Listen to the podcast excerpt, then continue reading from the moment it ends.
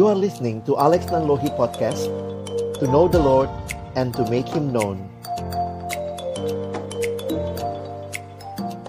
Mari sama-sama kita berdoa sebelum kita membaca merenungkan firman-Nya. Kami datang dalam ucapan syukur sore hari ini merayakan kebangkitan-Mu ya Tuhan.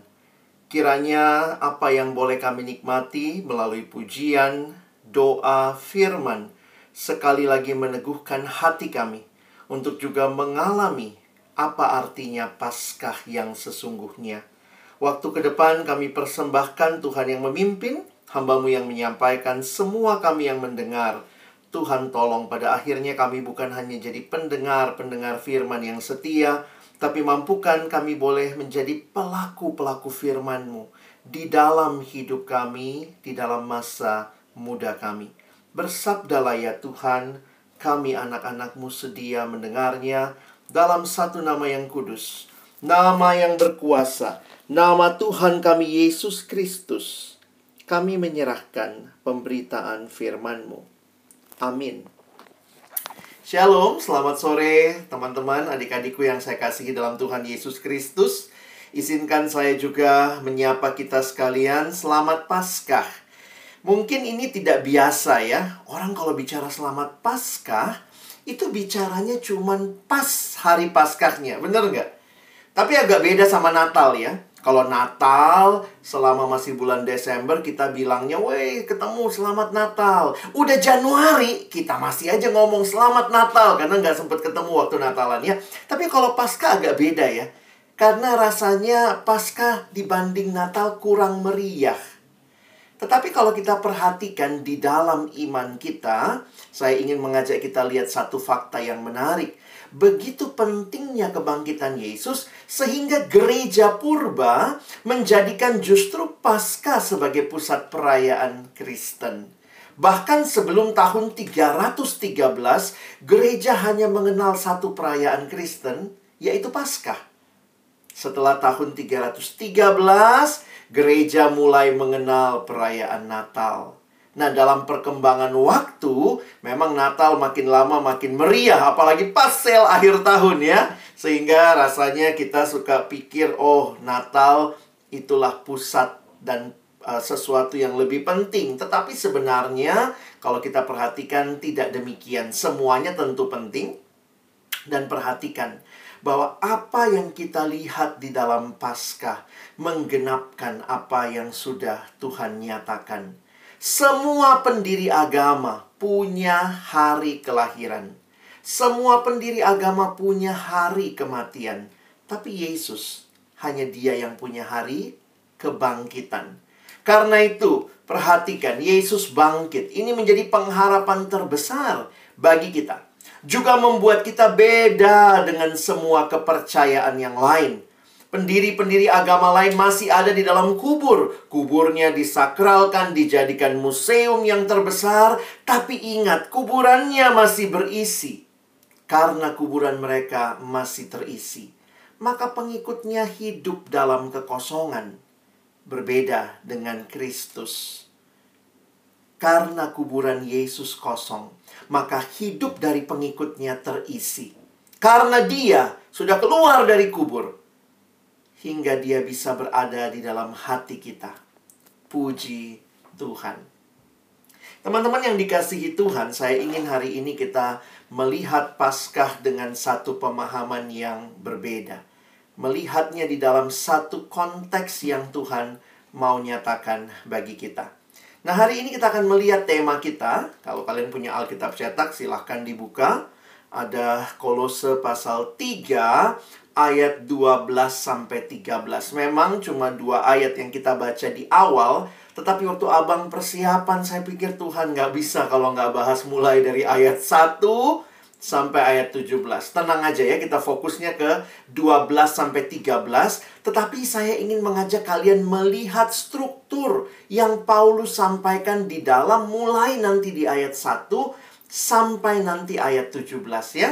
Nah, kita baca dulu ayat yang menjadi tema yang diberikan panitia kepada saya.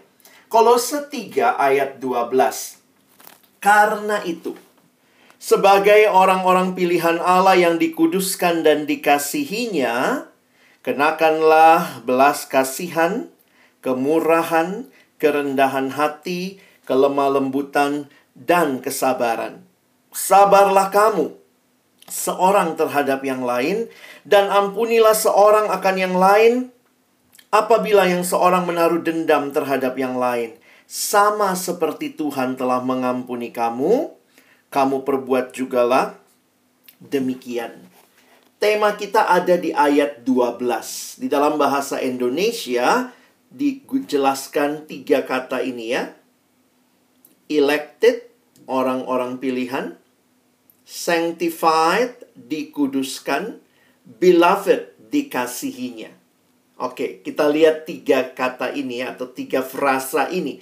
Teman-teman perhatikan, saya mengatakan bahwa ini adalah identitas orang percaya. Kalau teman-teman melihat di Alkitab cetak, mulai dari ayat 5, Kolose 3 ayat 5, LAI memberikan judul manusia baru.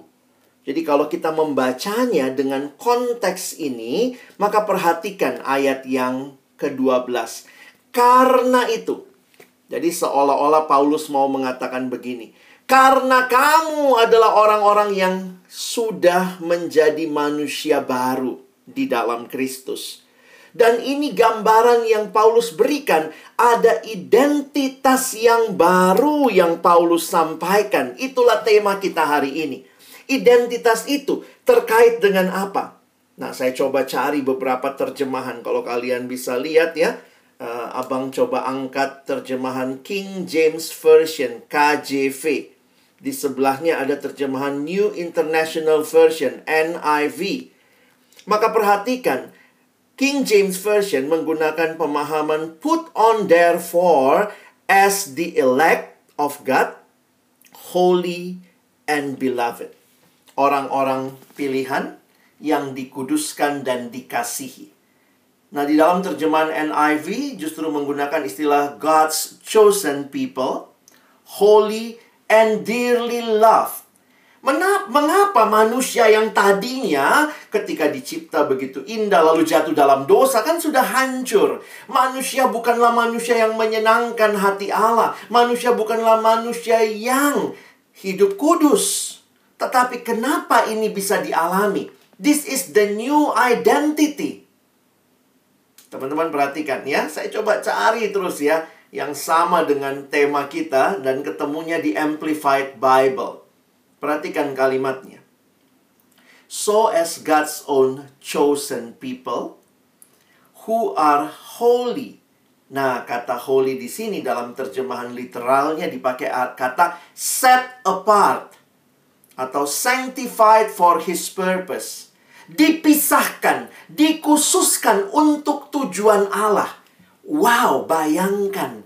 Inilah kita yang dikatakan oleh Paulus kita ini orang-orang yang dipilih lalu kemudian dikhususkan, dikuduskan. Kata khusus sama kudus sebenarnya itu dari akar kata yang sama, set apart. And that is not only set apart for nothing, but set apart for God's purpose dan kemudian dipakai istilah well beloved. Siapa yang mengasihi kita? NIV tadi pakai istilah dearly, ya. Dearly loved. Perhatikan NIV pakai istilah itu. King James pakai istilah beloved di dalam terjemahan Amplified Bible and well beloved. Dia kasih keterangan by God himself. Wow. Teman-teman, ini menjadi hal yang menarik dalam iman kita bahwa setelah kita jadi manusia baru, maka ini menjadi satu hal yang Paulus nyatakan bahwa Allah yang adalah Allah yang berinisiatif bagi kehidupan kita. Teman-teman, kalau lihat tema kita semuanya itu sebenarnya dalam passive voice. Passive voice itu berarti dia tidak melakukan sesuatu tetapi dia dikenai sesuatu yang terjadi. Karena itu ingat ya, apa yang terjadi? Kita orang pilihan berarti ada yang memilih. Kita orang kudus bukan karena dari sononya kudus, tetapi ada yang menguduskan kita for his purpose. Kita orang-orang yang tadinya sebenarnya tidak dikasihi, but now we are well beloved by God himself. Karena itu dalam terjemahan Alkitab TSI, kalian bisa cari ya. Terjemahan sederhana Indonesia menggunakan semua dengan awalan di. Oleh karena itu saudara-saudari, sebagai orang-orang yang sudah dipilih, dikasihi dan disucikan oleh Allah sebagai umatnya sendiri. Wow. Kenapa bisa kita dapat semua ini ya? Dipilih, dikasihi, disucikan. Wow, this is so amazing. Saya menuliskan begini ya. Bagaimana identitas baru ini menjadi milik kita? This is only because of Jesus. Kita ada di dalam Kristus. Nah, teman-teman perhatikan kalau kita belajar tentang keselamatan, semua agama bicara keselamatan. Tetapi ingat, perbedaan mendasarnya semua agama bicara keselamatan sebagai sebuah pencapaian. Kalau kamu lakukan begini, begini, begini, kamu selamat. Kekristenan menggunakan istilahnya semuanya pasif. Coba kalau kalian belajar keselamatan, nggak usah dijelaskan terlalu jauh lah. Semua dipakai istilah dibenarkan, dikuduskan, dikasihi, di, di, di. Lalu apa yang kita lakukan? Makanya kekristenan berbicara karya keselamatan adalah anugerah Allah sendiri, bukan karena perbuatan baik kita. Tidak dikatakan karena kita mengasihi, bukan kita dikasihi.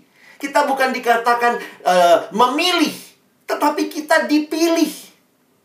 Wow. Karena itu ingat baik-baik. Semua kepercayaan lain bicara keselamatan juga. Tetapi keselamatan itu bukan apa yang saya lakukan bagi Tuhan. Kekristenan tidak mengenal keselamatan model seperti itu. Tetapi keselamatan kita adalah apa yang Kristus lakukan bagi kita. I hope you get the idea. Bahwa tema ini bukan usahamu. Tema ini hanyalah semata-mata anugerah Allah yang memilih engkau. Dia yang aktif memilih dia yang menyucikan kita untuk tujuannya yang mulia, bukan kita yang menyucikan diri. Dan dialah yang juga mengasihi kita. Karena itu kita dikasihi olehnya. Teman-teman, kenapa hal ini mungkin? Karena apa yang Kristus lakukan bagi kita. Wow, ini tidak mudah dipahami. Ada yang bilang begini, masa sih keselamatan itu tidak karena perbuatan baik, tetapi karena anugerah Allah. Karena nampaknya di dunia ini nggak ada yang gratis ya. Kadang-kadang susah kita ngerti kalau ada yang gratis gitu. Ada yang bilang sama saya, aduh kak, saya sulit mengerti keselamatan itu gratis, itu anugerah. Di Jakarta kak, pipis aja bayar. Masa keselamatan gratis gitu ya? Rasanya tuh nggak masuk di akal teman-teman. Tetapi inilah anugerah Allah yang sekali lagi waktu kalian angkat tema ini saya renungkan Tuhan apa artinya? Elected ya. Lalu kemudian sanctified lalu kemudian beloved it's all in passive voice.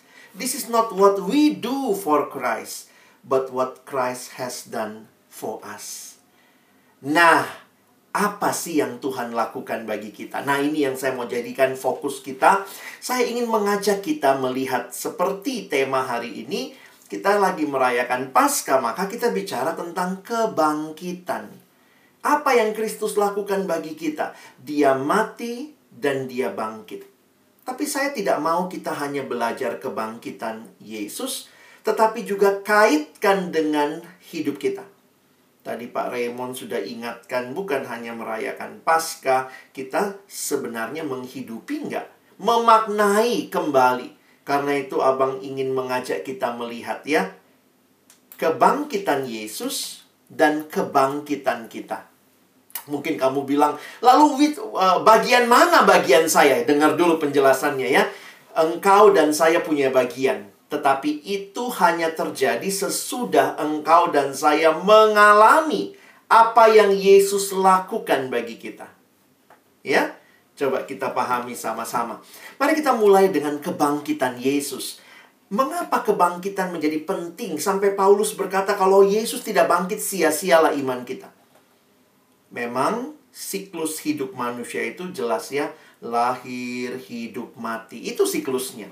Tetapi Kristus dia lahir, dia hidup, dia mati, dia bangkit. Karena itu pendeta John Stott mengatakan, We manusia, we live and die, but Christ died and live. Yang menarik di dalam kita melihat kebangkitan sebagai karya anugerah Allah, kebangkitan itu fakta historis, teman-teman.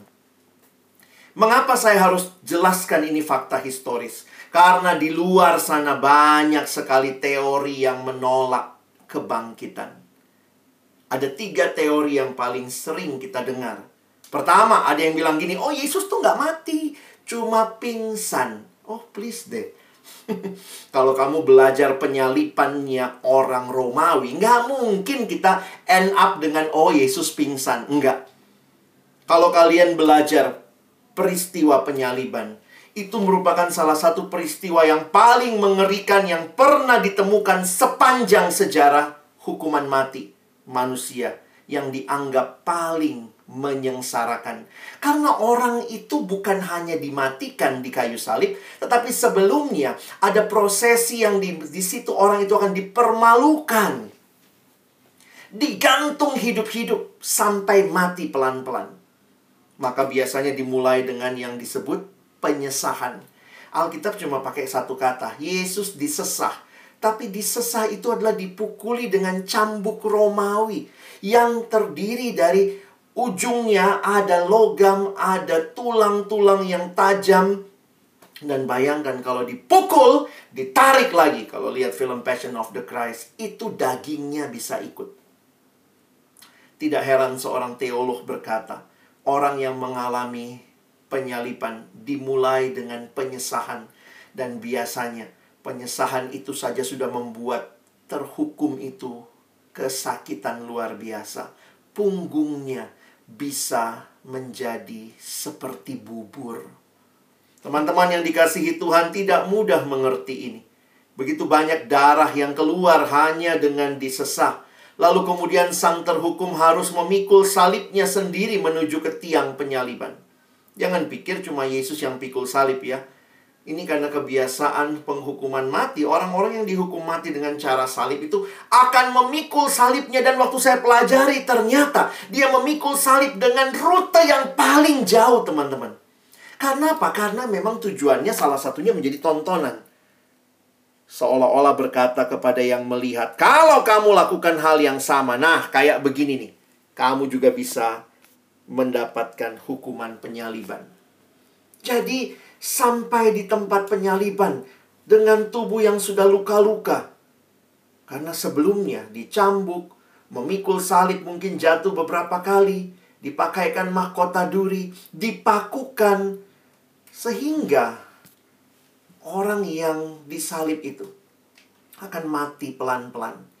Bisa karena kehabisan darah, bisa karena juga kesulitan bernafas sehingga lama-lama dia akan mati. Tuhan Yesus mati bukan kehabisan darah. Dia mati bukan kesulitan bernafas. Dia menyerahkan nyawanya bagi engkau dan saya. Teman-teman, nggak mungkin cuma pingsan. Bayangkan mereka bilang, oh Yesus pingsan, lalu kemudian karena pingsan diturunin, masukin ke kubur. Wih, di kubur adem katanya ya, apalagi dari goa begitu di waktu adem kemudian wah Tuhan Yesus dapat kekuatan lagi. Eh, bangun deh dia. Teman-teman, kalau Yesus bangkit beda dong. Kalau bangkit itu karena mati. Nggak mungkin kan? Kalau dia cuma pingsan, kalau pingsan lalu bangun namanya apa? Pingsan lalu bangun namanya siuman. Hari ini kita tidak merayakan siumannya Yesus. Selamat hari siuman. Kita tidak sedang merayakan Yesus yang siuman. Kita merayakan Yesus yang bangkit, teman-teman. Jadi saya harap kita paham ya. Apalagi ada yang bilang, wah Yesusnya cuma pingsan. Kamu belum baca sejarah tentang penyaliban. Tidak mungkin orang yang disalib itu hanya pingsan. Ada lagi teori yang bilang begini. Para murid mencuri jenazah Yesus. Aduh, baca Alkitab baik-baik. Kamu tahu, kuburnya dijaga oleh prajurit Romawi. Bahkan dimaterai, disegel. Prajurit Romawi, prajurit yang paling kuat sepanjang sejarah. Mereka orang-orang yang dilatih dalam militer begitu disiplin. Mana mungkin murid-murid mencuri jenazah Yesus? Muridnya aja lari, ketakutan. Ada lagi yang bilang teori yang lain lagi ya. Nah, ini teori yang agak melecehkan sedikit. Maaf ya.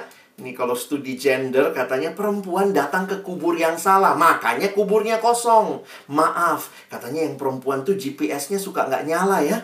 Perempuan susah baca map ya. Eh, pagi-pagi datang ke kubur yang salah. Begitu masuk kosong kuburnya. Pantes dia datang ke kubur yang salah.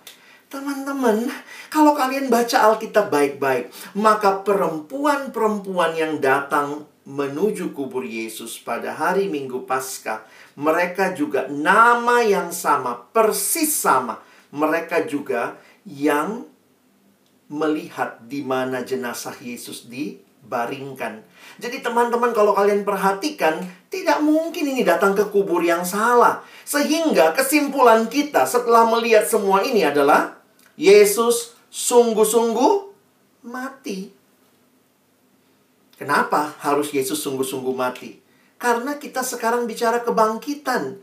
Kalau Yesus tidak pernah mati, maka kita cuma merayakan dia siuman. Kita merayakan kebohongan karena ternyata tubuhnya dicuri. Perhatikan kalimat yang disampaikan malaikat. Jangan takut, kata malaikat kepada perempuan itu. Kamu mencari Yesus. Dia spesifikin lagi. Yesus orang Nazaret. Jangan lupa, waktu itu kan bukan cuma Yesus yang namanya Yesus. Itu nama umum. Jadi dia bilang, Yesus yang mana nih? Yesus yang orang Nazaret. Yang matinya kenapa? Yang disalibkan itu. Betul ini kuburnya. Tapi ia telah bangkit. Ia tidak ada di sini. Lihat. Inilah tempat mereka membaringkan dia. Teman-teman yang dikasihi Tuhan ini karya terbesar di kayu salib dan dia bangkit memberikan kepada kita sebuah kepastian dan ini tidak terpisahkan. Mengapa Jumat itu disebut Jumat Agung? Jumat itu jadi Jumat Agung hanya karena ada Minggu Paskah. Bayangkan kalau tidak ada Minggu Paskah, maka itu bukan Jumat yang agung. Karena ada orang yang mati dan tidak pernah bangkit. Dan dia pikir dirinya juru selamat. Sedih banget seperti itu. Tetapi karena ada Minggu Paskah, maka Jumat itu disebut Jumat yang agung tanpa kebangkitan, salib tidak ada artinya.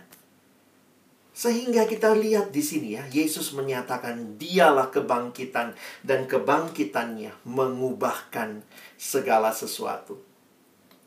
Saya sedikit belajar lagi waktu mempersiapan gitu ya, teman-teman. Ada satu doktrin pemahaman yang perlu kita pahami dengan benar ya Nah ini kadang-kadang juga tanpa sadar Karena waktu pasca kita selalu ngomong kemenangan Kemenangan, kemenangan Lalu pertanyaannya Yesus pernah kalah nggak? Ayo coba pikir-pikir ya Yesus pernah kalah nggak? Karena kita bicara pasca tuh kemenangan Sehingga ada yang berpikir mungkin seperti abang dulu Abang waktu masih kecil pikirannya begini Yesus disalib itu, itu dia kalah oh kalahnya disalib. Kalau disalib tuh kayak Yesus lempar handuk ya. Aduh, nyerah deh, nyerah deh iblis gitu ya. Yesus kalah, lalu hari Minggunya dia bangkit. Wah, dia mau menyatakan segala kekuatannya. Ternyata itu secara teologis tidak benar. Yesus tidak pernah kalah. Lihatnya dari mana? Saya kutip kalimat pendeta John Stott dia mengatakan we are not to regard the cross as defeat and the resurrection as victory. Itu bukan cara yang tepat. Oh, disalib dia kalah, lalu nanti dia bangkit, dia menang. Karena apa? Kemenangan itu justru juga Yesus peroleh di kayu salib. Lo ada ayatnya? Ada teman-teman. Yesusmu nggak pernah kalah. Yesusku tidak pernah kalah. Perhatikan yang abang buat warna berbeda memakukannya pada kayu salib kata Kolose 2 kita masih di kitab Kolose ya Ia telah melucuti pemerintah-pemerintah, penguasa-penguasa dan menjadikan mereka tontonan umum dalam kemenangannya atas mereka. Di mana ini terjadi? Di kayu salib. Loh, jadi bagaimana dong kita mengertinya? Nah, kita mesti memahaminya begini. Di salib juga Yesus menang. Loh, kalau begitu kebangkitan itu apa, Bang? Nah, lihat caranya pendeta John Stott menjelaskan. Rather, we should see the cross was the victory won and the resurrection, the victory endorsed, proclaimed, and demonstrated. Nah, ini perlu kalian screenshot baik-baik. Kalian ingat, di kayu salib itu kemenangan diperoleh dan kebangkitannya menegaskan kemenangan itu, memproklamasikan kemenangan itu dan mendemonstrasikan bahwa benar yang mati Jumat Agung itu dia pemenang sejati. Wow, teman-teman ingat baik-baik. Yesus nggak pernah kalah ya. Dia Allah yang bangkit dan menang. Karena kita kalau dengar kata menang, kita selalu mikir mana kalahnya, kapan kalahnya. No, dia Allah yang hidup dan menang. Nah, jadi kalau kita perhatikan, keselamatan kita, karya anugerah adalah apa yang Yesus lakukan bagi kita. Ingat, bukan apa yang kita lakukan bagi dia, tapi apa yang dia lakukan bagi kita. Dan apa yang dia lakukan bagi kita. Sungguh luar biasa. Nyawanya, darahnya tercurah bagi kita. Kan itu saya senang dengan kalimat ini ya. Keselamatan itu sangat mahal harganya. Seharga darah Kristus. Tetapi diberikan secara cuma-cuma. Bisa dipahami ya? Ada anak minta mobil sama bapaknya. Dia nabung sehari 5 ribu. Minta mobil harga 1M. Wah, pas dia ulang tahun, bapaknya bilang, ya udah nih, papa kasih nih, orang kaya ya, papa kasih mobil 1M. Bener, Pak. Ini buat saya, iya ini buat kamu. Pak, ini tabungan saya, Pak. Tabungan saya yang sehari 5 ribu. Ya elah, nggak usahlah tabunganmu simpen aja. Gratis, Pak, mobilnya. Iya, gratis untuk kamu. Wah, terima kasih banyak, Papa. Pertanyaannya, mobilnya gratis? Ya gratis, anaknya dapatnya gratis. Siapa yang bayar harganya yang mahal? Papanya. Engkau dan saya dapat keselamatan. Itu harganya sangat mahal kita terimanya gratis, bukan karena perbuatan baik kita, tetapi yang membayar harganya Yesus Kristus di kayu salib. Tapi dia bangkit dan kebangkitan itu menegaskan kemenangannya. Dan teman-teman, inilah yang membuat kita punya identitas baru. Kamu dan saya dipilih, dikuduskan, dikasihi hanya karena karya Kristus yang genap ini. Karena itu, kebangkitan Yesus harus terkait dengan kebangkitan kita. Kenapa kita harus bangkit juga? Karena dia sudah bangkit. Dan kalau saya percaya pada Yesus yang bangkit, maka saya juga mengalami kebangkitan. Dan ini banyak di tulisan Rasul Paulus. Kita coba lihat sebentar nanti ya. Nah, saya kutip dulu kalimat pendeta John Stott. Dia katakan, God who raised Jesus from physical death can raise us from spiritual death and make us new people in Christ. Allah yang membangkitkan Yesus dari kematian jasmani. Dia Allah yang sanggup membangkitkan kita dari kematian rohani dan menjadikan kita manusia baru di dalam Kristus. Itulah Kolose 3 mulai ayat yang pertama sebenarnya ya. Nah, saya abang mau ajak kita, kita nggak baca semuanya, tapi saya mau tunjukkan bahwa sebenarnya sebelum sampai di Kolose 3 ayat 12, kalian harus baca atasnya. Ayat 1.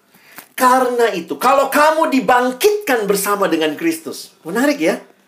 Yang bangkit Kristus, tetapi kita yang percaya kepadanya dikatakan kalau kamu dibangkitkan bersama dengan Kristus, carilah perkara yang di atas di mana Kristus ada, duduk di sebelah kanan Allah.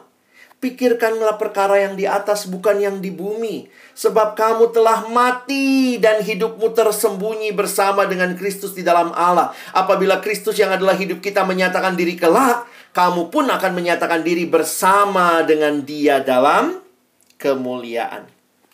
Jadi, ingat, apa yang Yesus berikan melalui kematian dan kebangkitannya. Dia memberikan kita hidup yang baru.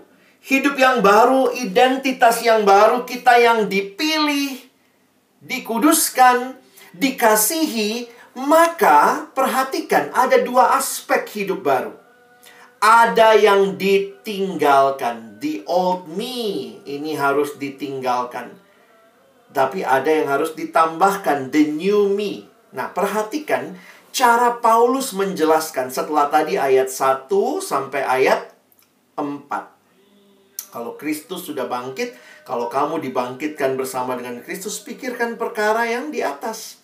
Maksudnya hal-hal yang harus selaras dengan identitasmu yang baru. Maka ingat, ada yang harus di old me. Old me itu, nah teman-teman lihat ya, sekarang abang lanjut. Ayat 5 sampai 9, itu hal-hal yang harus dimatikan, dibuang, ditanggalkan. Karena itu, matikanlah dalam dirimu segala sesuatu yang duniawi, yaitu percabulan, kenajisan, Alkitab menaruh dosa seksual dalam top 10 dosa. Hati-hati. Dosa percabulan, kenajisan, hawa nafsu ini kaitannya semua dengan kesucian seksual. Nafsu jahat dan juga keserakahan yang sama dengan penyembahan berhala, semua itu mendatangkan murka Allah atas orang-orang durhaka. Perhatikan istilah yang digunakan, matikanlah. Di dalam ayat selanjutnya, dahulu kamu juga melakukan hal-hal itu ketika kamu hidup di dalamnya. Itulah hidupmu yang lama. Perhatikan Paulus menggunakan kata yang lain lagi. Tetapi sekarang buanglah. Tadi matikanlah. Sekarang buanglah semuanya ini. Yaitu marah, geram, kejahatan, fitnah, dan kata-kata kotor. Teman-teman, perkataan juga masuk dalam top 10 dosa. Kalau kamu lihat Paulus bikin list dosa, itu biasanya kesucian seksual masuk, biasanya perkataan masuk. Fitnah itu pasti kata-kata. Kata-kata kotor. Nah, ini juga disampaikan. Jangan lagi kamu saling mendustai karena kamu telah Paulus pakai istilah seperti ganti baju, menanggalkan manusia lama serta kelakuannya. Teman-teman lihat. Ini yang harus dibuang. Kalau betul identitasmu yang kamu dan saya peroleh baru itu karena karya Kristus di kayu salib dan kebangkitannya, maka kita harus mematikan, membuang, menanggalkan dan ini bukan dipakai kata meninggalkan ya. Ini kayak ganti baju persis nih.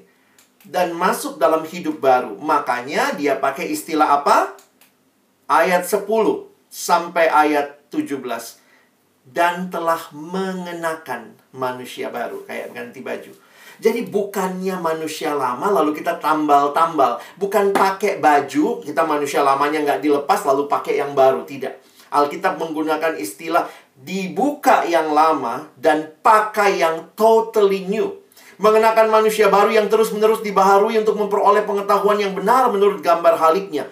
Dalam hal inilah tidak ada orang Yunani, orang Yahudi yang bersunat atau tak bersunat, orang barbar atau orang skit, budak atau orang merdeka, tapi Kristus adalah semua dan dia dalam segala sesuatu.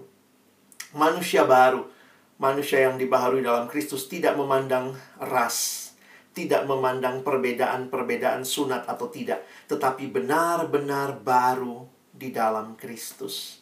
Ini ayat 11, barulah masuk ayat kita. Ayat 12 tadi ya, kamu telah dipilih, kamu telah dikuduskan, kamu telah dikasihi. Jadi teman-teman, lihat kalimat ini. Kita selamat bukan karena kehidupan kita yang saleh. Jangan terbalik. Tetapi kita diselamatkan justru untuk hidup yang saleh. Teman-teman, apa tujuannya Tuhan pilih kita? Apa tujuannya Tuhan kuduskan kita? Apa tujuannya Tuhan mengasihi kita? Bukan supaya kita kamu jadi anak manja. Bukan kamu jadi anak yang favorit. Tetapi Tuhan melakukan itu karena Tuhan punya tugas bagi kita. Makanya ada tanggung jawab. Kalau tadi abang bilang ya, keselamatan kita bukan apa yang kita lakukan bagi Allah, tetapi apa yang Allah lakukan bagi kita. Tetapi menghidupi keselamatan kita meresponi apa yang Allah sudah lakukan buat kita. Makanya kita tidak selamat karena melakukan hidup yang saleh, tidak.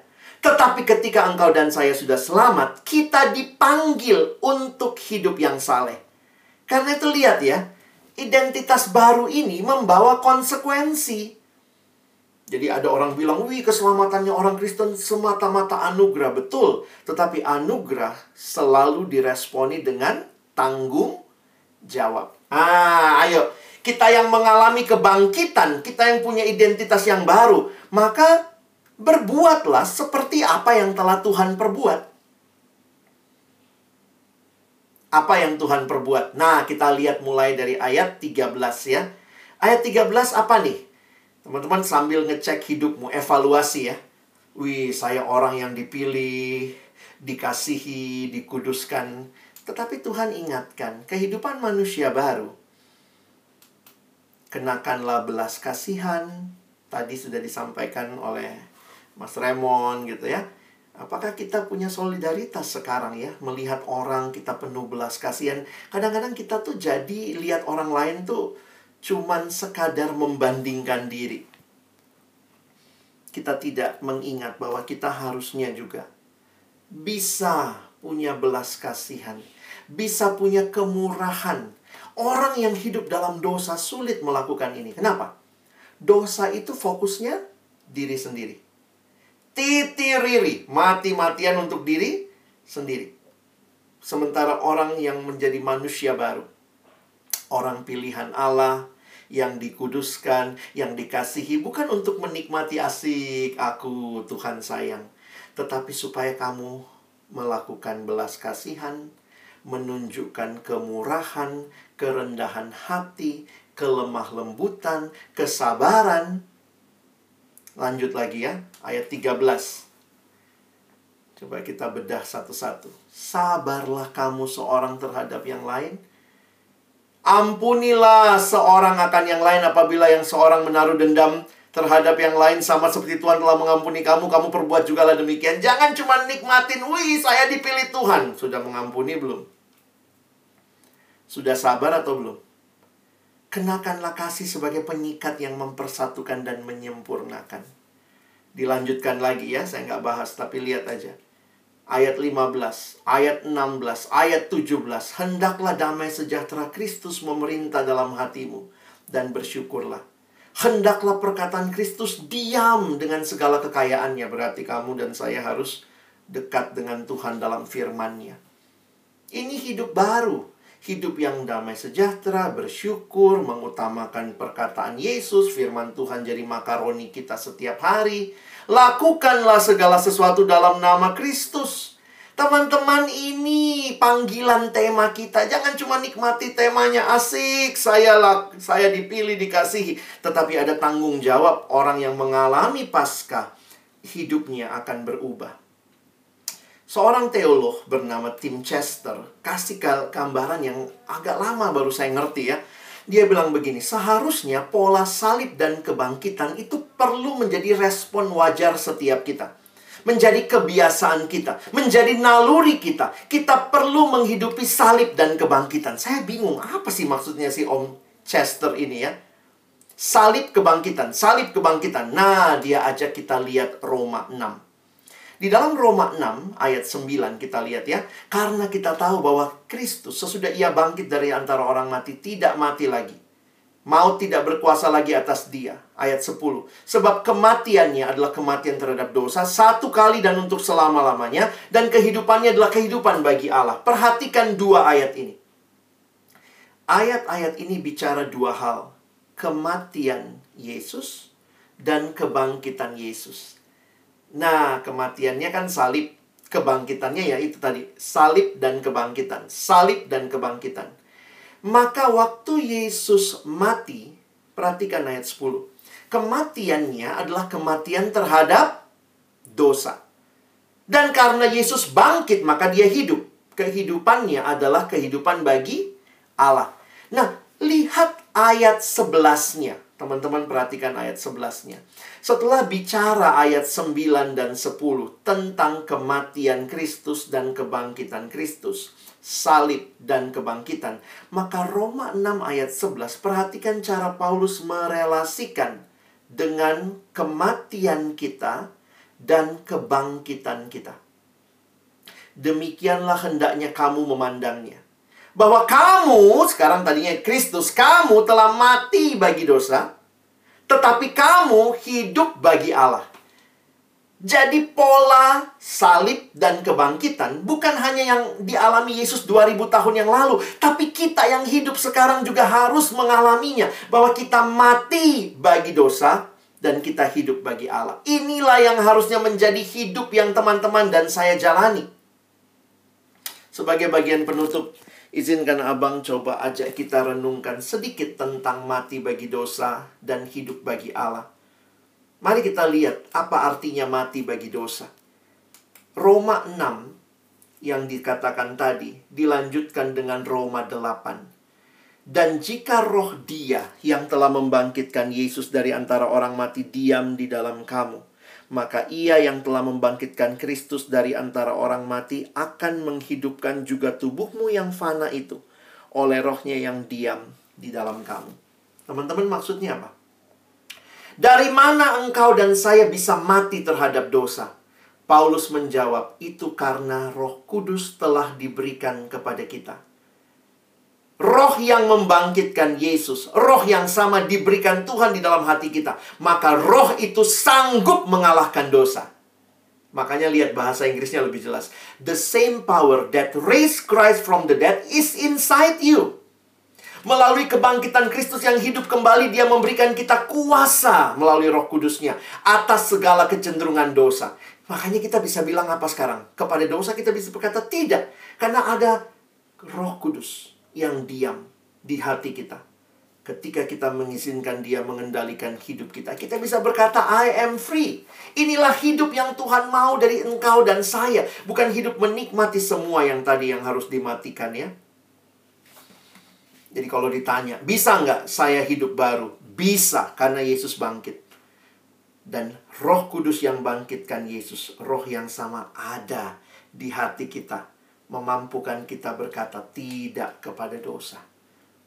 Dan yang terakhir, mati bagi dosa, hidup bagi Allah. Nah, thank you. Tadi MC di awal bicara ayat ini. Apa sih hidup bagi Allah? Saya pikir ayat ini memberikan salah satu penjelasan yang menarik 1 Petrus 1 ayat 3 ibadah kita tadi dimulai dengan ayat ini. Terpujilah Allah dan Bapa Tuhan kita Yesus Kristus yang karena rahmat yang besar telah melahirkan kita kembali oleh kebangkitan Yesus dari antara orang mati kepada suatu hidup yang penuh pengharapan. Masih ingat siklus manusia? Lahir, hidup, mati. Lahir, hidup, mati. Jadi ceritanya manusia cuma sampai di kematian. Tetapi karena Yesusku hidup, Yesusmu hidup, maka dia bukan hanya lahir, hidup, mati, tapi dia bangkit. Dan karena dia bangkit, kita yang percaya kepada dia akan dibangkitkan. Maka teman-teman, seluruh pergumulan hidupmu pasti aja ada jalan keluar. Kenapa? Karena cerita buat kita yang percaya bukan cerita kematian, tetapi cerita kehidupan di akhir. Kok bisa kita punya hidup yang penuh pengharapan? We have a living hope because we have a living Savior.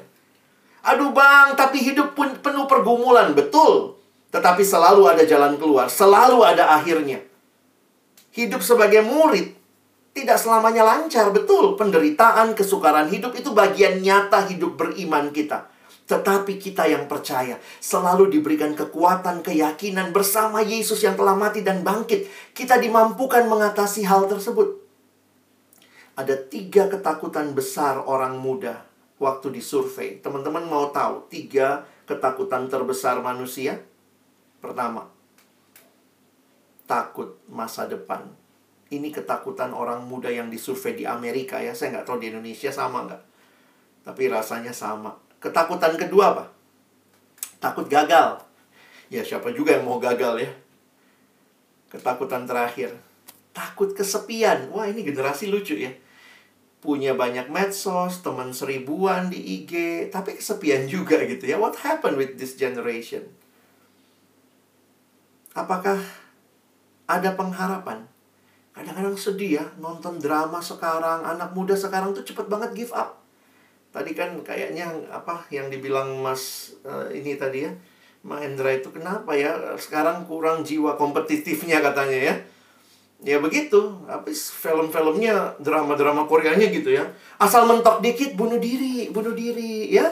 Makanya ada film drama Tomorrow dah gitu ya biar nggak pada bunuh diri tuh ya. Jadi bunuh diri, jadi kayaknya ya udah nggak ada pengharapan. No, Betul, kita ada Tuhan. Dan dia hadir.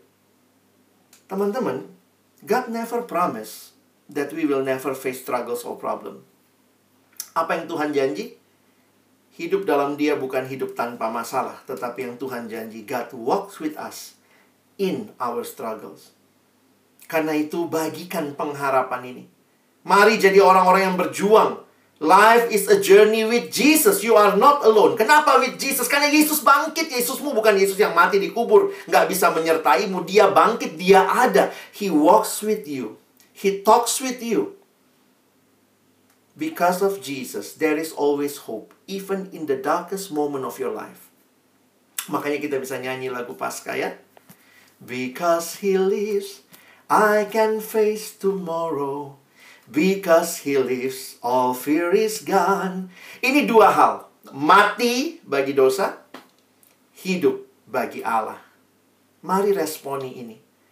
Punya hidup yang beda dengan dunia. Karena engkau sudah bangkit. Cara belajarmu berbeda. Cara bergaulmu berbeda. Kalau kamu sudah kerja alumni, cara bekerjamu berbeda.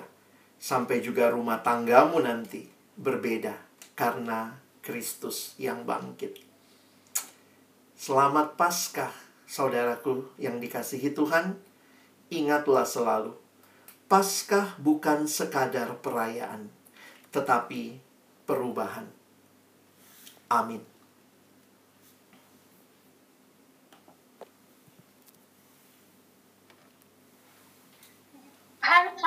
Luar biasa pemberitaan firman Tuhan yang disampaikan kepada kita.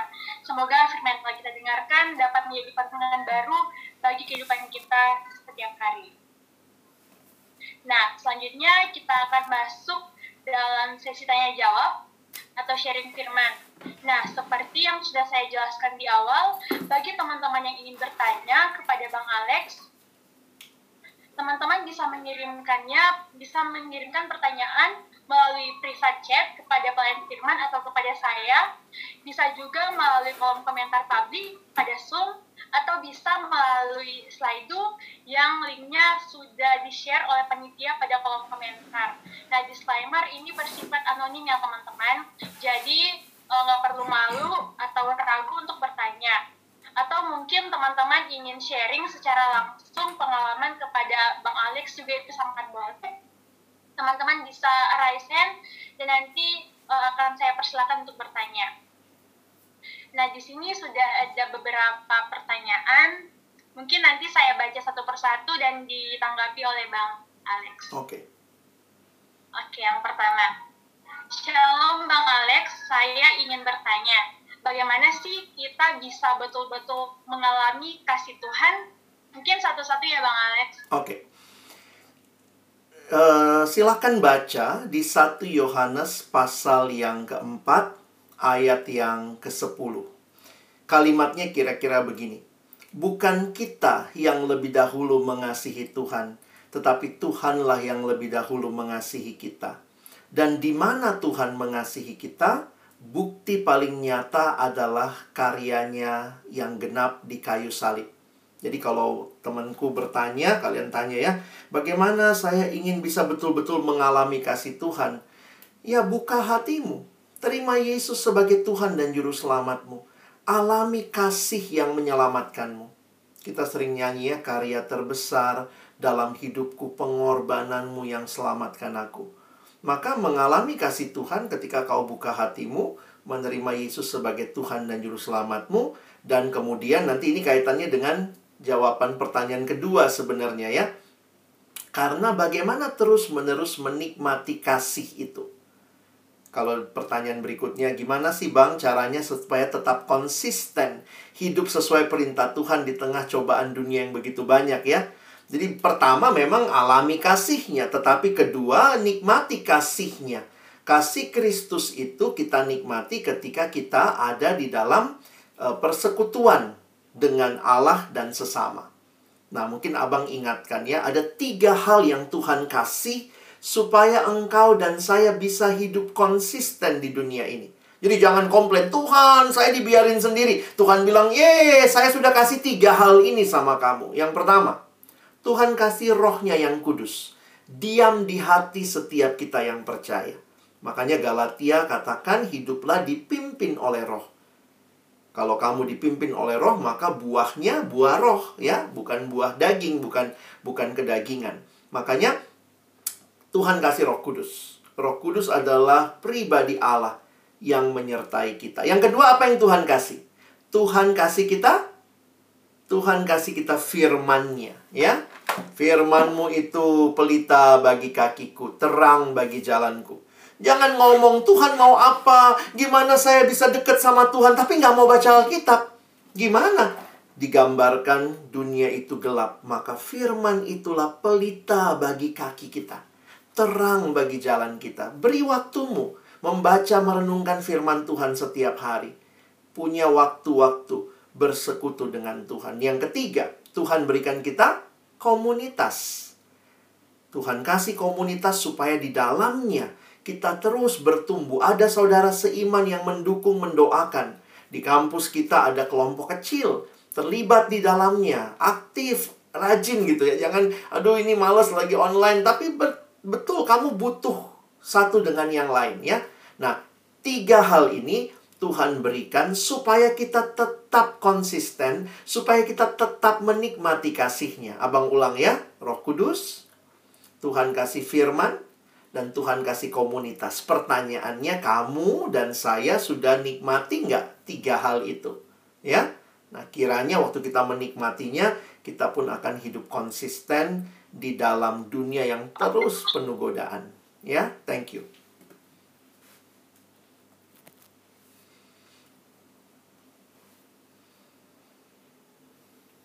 Oke, baik. Terjawab ya teman-teman untuk pertanyaan satu dan pertanyaan dua. Lanjut pertanyaan yang ketiga. Oke. Uh, kalau keselamatan adalah anugerah yang bukan didapat karena perbuatan baik, hmm.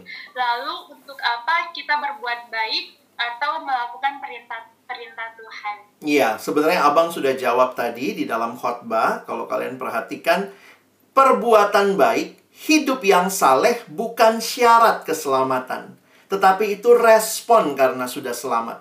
Jadi orang Kristen ada nggak perbuatan baiknya? Ada, tapi bukan supaya selamat. Lalu apa itu perbuatan baik buat kita? Justru karena sudah selamat, maka kita harus melakukan perbuatan baik. Ingat tadi ya, mulai dari ayat 12 ke bawah, 10 ke bawah tuh mengenakan manusia baru, ada damai sejahtera, harus mengampuni. Itu kan perbuatan-perbuatan baik justru karena kita sudah selamat. Ya.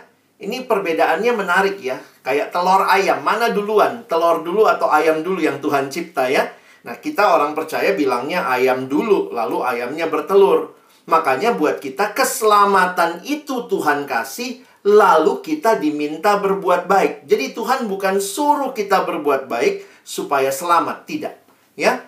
Jadi kita harus bisa melihat ini perbedaan. Kenapa kekristenan disebut Injil? Karena memang ini berita sukacita. Di saat semua beritanya lakukan sesuatu supaya selamat. Kita punya berita ada seorang pribadi yang melakukannya bagi kita.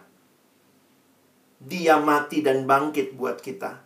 Karena itu sekarang kita hidup bagi dia. Maka perbuatan baik kita punya makna karena meresponi anugerah Allah. Coba abang kaitin sama yang tadi ya. Anak yang dikasih mobil satu miliar. Gratis papa, gratis. Nah sekarang dia mesti ngapain mobil itu? Dia rawat baik-baik, dia rajin nyuci, dia ini ya. Jadi ada yang bilang, wah kalau selamat itu gratis, enak dong. Orang itu hidup seenaknya kan sudah selamat. Itu orang yang nggak ngerti keselamatan. Kalau anak itu dapat mobil satu miliar, wih sudah dapat mobil. Terus apa? Dia rusak-rusak, dia tendang-tendang tuh mobil. Ah gratis kan? Itu anak kurang ajar. Makanya kalau orang bilang ajaran anugerah itu ngeri loh bang. Kalau orang bicara anugerah nanti orang jadi makin rajin berdosa. Kan gampang semua sudah dikasih sama Tuhan. Kalau kamu sungguh-sungguh mengerti anugerah, kamu tidak akan main-main sama dosa. Karena anugerah itu membuat kamu berkata, Tuhan ini semua darimu, aku meresponinya. Bukan dengan makin berdosa, tetapi makin melakukan kebaikan bagi kemuliaan Allah dan bagi hidup sesama. Mungkin itu.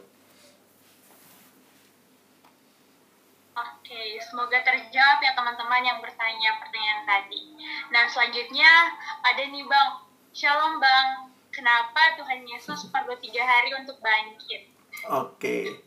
Di dalam masyarakat masa itu yang belum ada formalin, maka tiga hari itu adalah penentuan benar-benar mati. Jadi itu dalam masyarakat yang belum mengenal teknologi uh, kedokteran, maka tiga hari itu menunjukkan dia sudah benar-benar mati. Makanya meyakini setelah tiga hari dia sungguh-sungguh bangkit. Ya, kira-kira begitu penjelasannya. Oke, baik.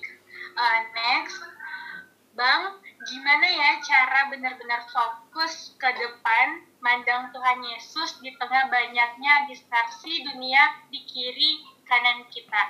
Iya, tadi Iya, Abang udah jawab sih tadi ya. Tetap punya hidup yang dipimpin Roh Kudus, tetap menjadikan firman Tuhan pelita bagi kakimu, terang bagi jalanmu ya. Karena ada distraksi sana sini dan miliki saudara seiman yang sama-sama mau hidup kudus, sama-sama mau hidup taat, sama-sama mau hidup mengasihi Tuhan. Nah, kita punya komunitas ya.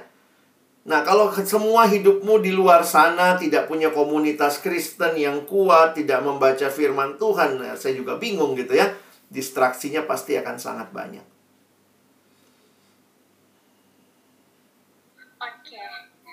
next. Shalom Bang Alex, saya pernah hidup di dalam Tuhan, tapi dulu akhirnya saya tidak kuat memikul salib, dan saya pernah jatuh ke dalam dosa. Bagaimana cara memantaskan diri di hadapan Tuhan? Iya, terima kasih temanku. Kamu jujur, kamu terbuka di hadapan Tuhan. Saya cuma mau ingatkan, memang tidak ada juru selamat yang lain. Kamu sampai kapan pun saya, kita semua sampai kapan pun tidak pernah pantas di hadapan Tuhan. Tetapi karena karya Kristus tadi, maka kita dibenarkan, kita diampuni, kita diselamatkan. Makanya ketika engkau sadar itu, datang lagi sama Tuhan Yesus. Di dalam satu ayat di satu Yohanes pasal yang pertama, di dalam ayat yang ke-9, dikatakan ya 1 Yohanes 1 ayat yang ke-9 ya dikatakan begini jika kita mengaku dosa kita maka ia adalah setia dan adil sehingga ia akan mengampuni segala dosa kita dan menyucikan kita dari segala kejahatan. Jadi apa yang mau dikatakan kepada kita, mari kita kembali kepada Tuhan. Waktu waktu pertanyaan seperti ini muncul, pertanyaan seperti ini muncul bagi setiap kita. Biasanya dalam masa-masa kita punya pergumulan ya. Maka perhatikan 1 Yohanes 2. Di bawah ayat itu dikatakan tadi. Anak-anakku, hal-hal ini kutuliskan kepada kamu supaya kamu jangan berbuat dosa. Namun, jika seorang berbuat dosa, kita mempunyai seorang pengantara pada Bapa, yaitu Yesus Kristus yang adil. Ia adalah pendamaian untuk segala dosa kita, dan bukan untuk dosa kita saja, tetapi juga untuk dosa seluruh dunia. Maksud ayat ini apa? Waktu kita bikin dosa, kita cenderung berusaha gimana nutupinnya. Gimana supaya saya pantas lagi di hadapan Tuhan. Maka Rasul Yohanes tulis di kitabnya, jika kita berbuat dosa, jika seorang berbuat dosa, maka kita punya seorang pengantara kepada Bapa yaitu Yesus Kristus. Jadi bukan kamu yang harus selesaikan dosamu, karena kamu nggak akan pernah pantas. Lihat salib itu. Yesus sudah selesaikan dosamu. Makanya kamu sekarang bisa hidup bagi dia. Nah, jadi buat kita yang pernah gagal, pernah jatuh, Tuhan memberi kesempatan untuk kita kembali hidup bagi Dia. Ya, ingat itu.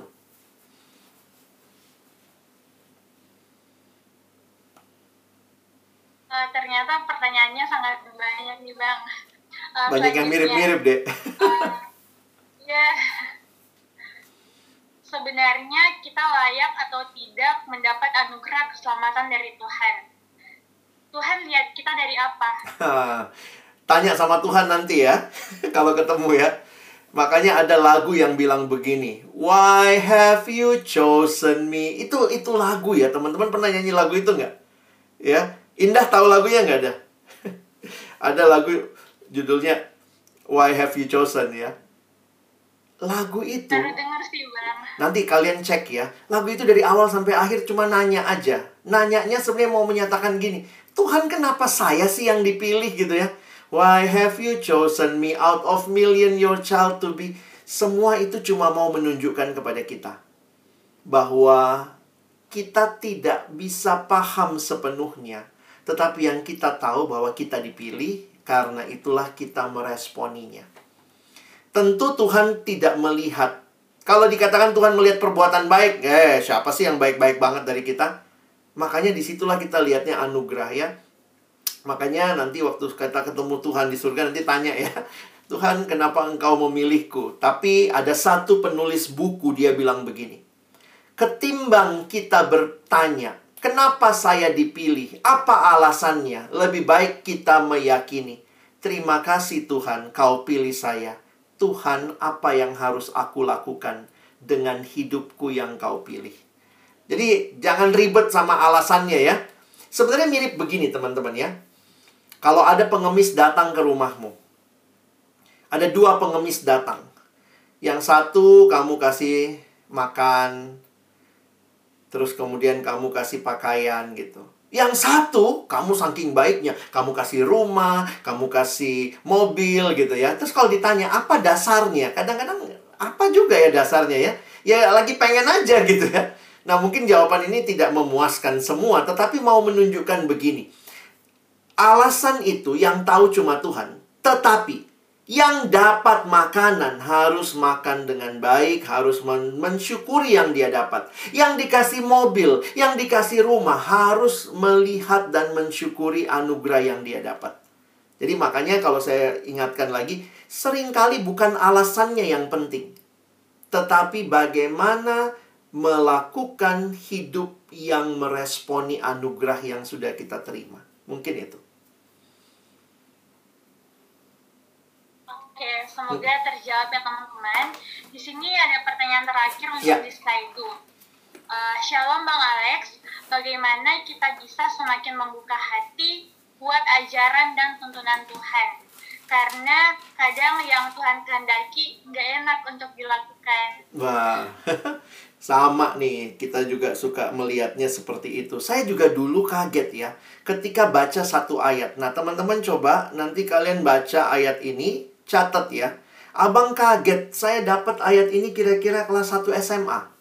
1 Yohanes 5 ayatnya yang ketiga. Saya baca ya. Sebab inilah kasih kepada Allah, yaitu bahwa kita menuruti perintah-perintahnya. Perintah-perintahnya itu tidak berat. Bener nggak terjemahan Alkitab saya? Perintah-perintahnya itu tidak berat. Saya kaget loh. Pertama kali dapat ayat itu, hah? Perintah Tuhan tidak berat. Bukankah banyak perintah Tuhan yang berat? Jadi, saya setuju nih ya. Nggak enak dilakukan, tetapi kenapa di sini dibilang perintahnya tidak berat? Sampai saya cek terjemahan yang lain. Jangan-jangan salah cetak Alkitab saya. Harusnya kan perintah-perintah Tuhan itu berat. Kenapa Rasul Yohanes berani menulis perintah-perintahnya tidak berat? Kuncinya di mana, teman-teman? Kuncinya di depan. Inilah kasih kepada Allah. Ternyata kalau orang mengasihi, maka apa yang dia lakukan untuk orang yang dia kasihi itu dianggap tidak berat. Contoh, kalau pacaran gitu ya, langsunglah tolong deh ambilkan aku eh, apa awan di langit. Wih, itu berat kan? Tetapi karena cinta, hal-hal seperti itu tidak berat. Nah, teman-teman, saya melihat begini.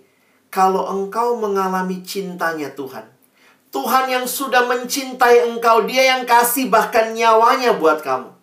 Sekarang Tuhan bilang, Alex, tinggalkan pornografi. Aduh Tuhan, berat Tuhan, berat Tuhan. Atau saya bilang, Tuhan, karena engkau mengasihiku sampai memberikan nyawamu, maka aku mau tinggalkan pornografi. Perintahmu tidak berat. Kalau kamu mengalami kasih Tuhan, kasih Tuhan yang sama menguatkan engkau untuk melihat perintah yang paling berat sekalipun menjadi perintah yang tidak berat. Tuhan sudah kasih nyawanya, maka waktu Tuhan minta, Tuhan belum minta nyawamu kan ya?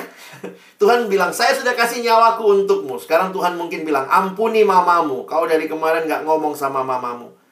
Aduh Tuhan, berat Tuhan. Tuhan bilang, ingat cintaku. Saya sampai kasih nyawa loh. Saya cuma minta kau ngampuni mamamu. Iya Tuhan, perintahmu nggak berat. Terus kemudian Tuhan bilang, tinggalkan pornografi. Aduh Tuhan, susah Tuhan. Banyak baru download ini Tuhan. Aduh, Tuhan bilang, ingat loh, saya kasih nyawaku. Iya Tuhan, perintahmu nggak berat. Nah teman-teman, kalau kamu alami kasih Tuhan, kamu lihat apa yang dia lakukan bagimu di kayu salib, maka hal yang kamu bilang tidak enak, kamu akan katakan, kalau ini demi Tuhan senang, saya akan rela lakukan. Nah, kiranya itu jadi pemahaman buat kita ya. Mari kita berdoa. Tuhan, terima kasih banyak apa yang kami hayati dalam tema hari ini. Kami dipilih kami dikuduskan, kami juga dikasihi.